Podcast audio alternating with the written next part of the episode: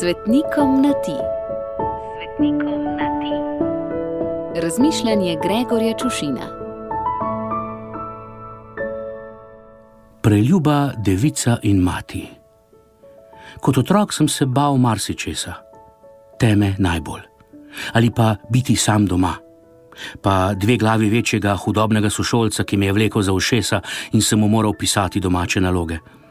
Kasneje sva pri mladinskem veruku postala čisto dobra prijatelja, ampak to zdaj ni pomembno.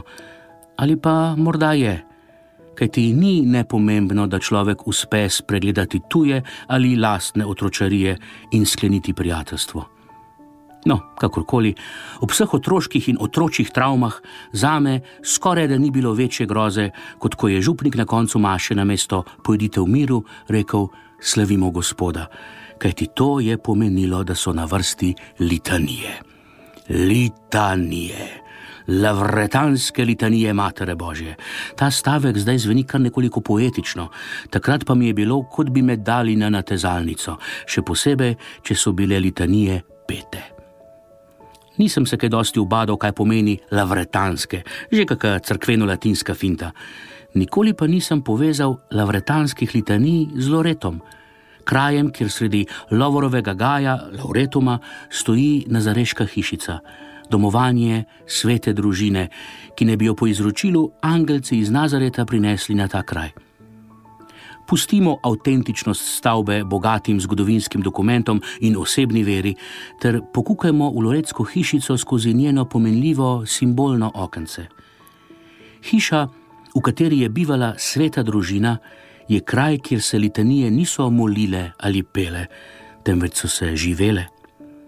To je kraj, kjer je mali Jezus vse vzdihljaje, ki jih v litanijah pobožno ali ne tako pobožno naslavljamo na Mater Božjo, v čisto stvarni in praktični obliki prejemal.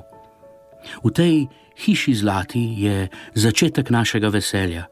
Tu je cvetela roža skrivnostna, ki je naša tolažnica, pomoč in pribežališče. Tu je bivala mati ljubezniva, devica milostljiva in kraljica miru.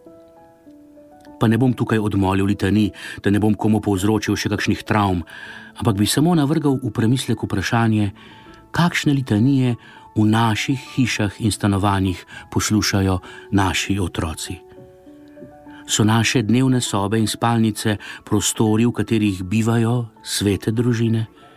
Ali okrog naših hiš letajo angelci ali piskri in zmerljivke? Ljuba Lorecka Mati Božja, preženi temo iz naših src, da nas ne bo strah biti doma, da bomo znali spregledati tuje in lastne otročarije in bomo v prijateljstvu s teboj in tvojim sinom kajti to ni nepomembno. Izprosi nam žegna in ga obilno razli na nas. Gregor.